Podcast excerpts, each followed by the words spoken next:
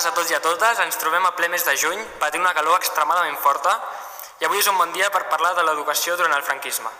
Ens esteu sentint a través de la nostra ràdio, la més fidel, Ràdio Bedruna. Som alumnes de quart d'ESO A i en el programa d'avui participem el Joan Bofill, el Lluís Bonamusa la Berta Diez, la Clara Buireu i per últim jo, el Joan Saiz.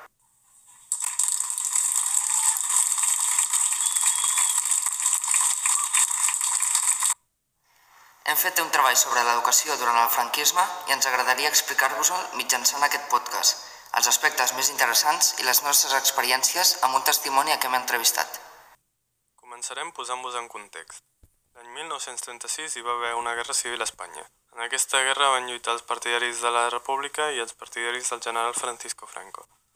La guerra la van guanyar les tropes franquistes i es va iniciar el franquisme, un període que va transcorrer entre 1939 i 1975.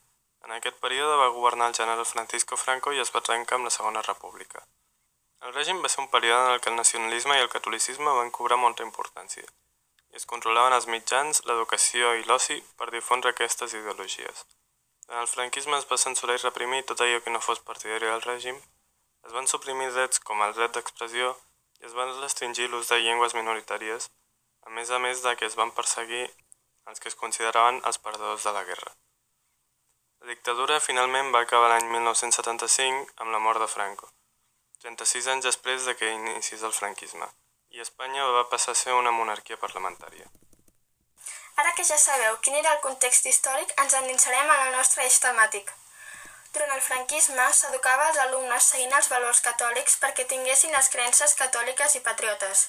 També s'inculcava la idea de que les dones s'havien de casar i fer-se càrrec de la casa i la família, es promovia l'aïllament de la resta del món, la censura de tot el que no fos afí al règim i el rebuig a qualsevol aportació de l'estranger amb l'objectiu d'aconseguir un estatut autosuficient i es buscava defensar les idees del règim amb la unificació política, religiosa, moral i lingüística a tot el territori. Les escoles catòliques eren les que es van imposar durant el franquisme. Es basaven en un sistema jeràrquic, autoritari i patriòtic. Predicaven els valors de l'Església catòlica, a les aules era obligatori posar-hi un retrat de Franco, una creu i una fotografia o quadre pictòric de Jesús. Pel que fa als professors, l'exili més gran del magisteri republicà es va produir entre el gener i el febrer del 1939, a mesura que Catalunya era ocupada per l'exèrcit franquista.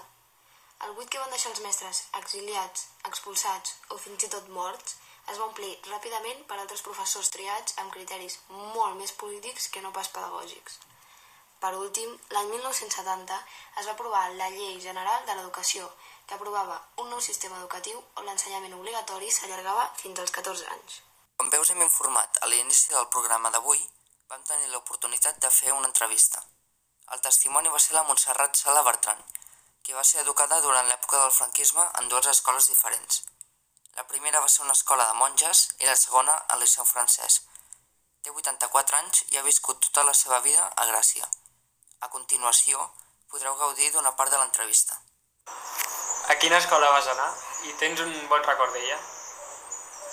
Aquesta. Sí, no, no tinc mal record, però no vaig aprendre res. No vaig aprendre gran cosa. Que era l'escola era d'unes monges de la presentació. I això fins als 8 anys, no? Sí, I a partir d'allà, on vas anar? el, vaig anar al Liceu francès. I tens un bon record d'allà? Sí, perquè era una escola que era molt diferent i eh, en, en pocs mesos vaig aprendre tot el que no havia après en molts anys. Així és directament. I la teva classe com era? Bastant fosca i, i, amb, i amb aquells pupitres que fan baixada i, i la tinta, que això era una pesadilla, per anar omplint els tinters i això i, i, les, i les plumes, llavors omplíem. I vas, no, era, no era molt maco perquè era una escola antiga i no. El Liceu francès era molt religiós. En, en part sí, però tenien una església que era a part, que no era, no era l'escola, eh?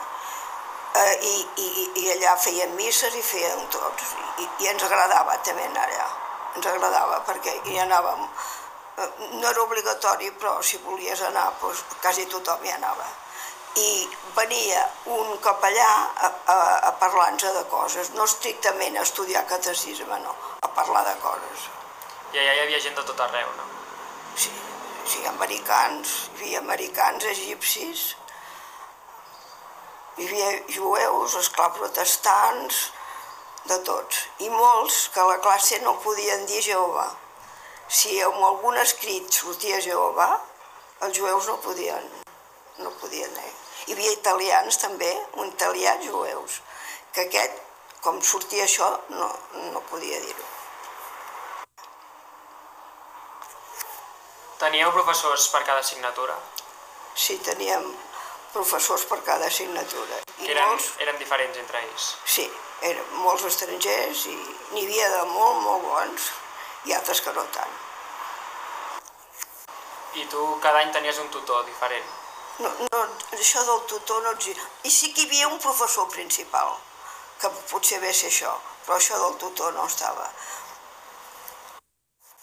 No, l'única cosa que jo vaig tenir el, el president de la Diputació que em feia, ens feia classe perquè volia fer pràctiques de francès i ens feia classe. pues, mira, un bon record que tinc que fèiem unes festes de l'esport de totes les edats, que feien mo- mo- moltes coses de gimnàs, de, de, de, de, de gimnàs tots junts, com, no sé com se diu això, i corrien i feien moltes coses, i, balls irlandesos i coses així. Moltes gràcies, Montserrat.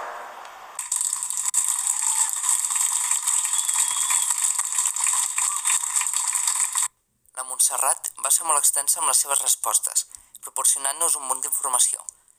I aquest ha estat un petit fragment de la part més interessant.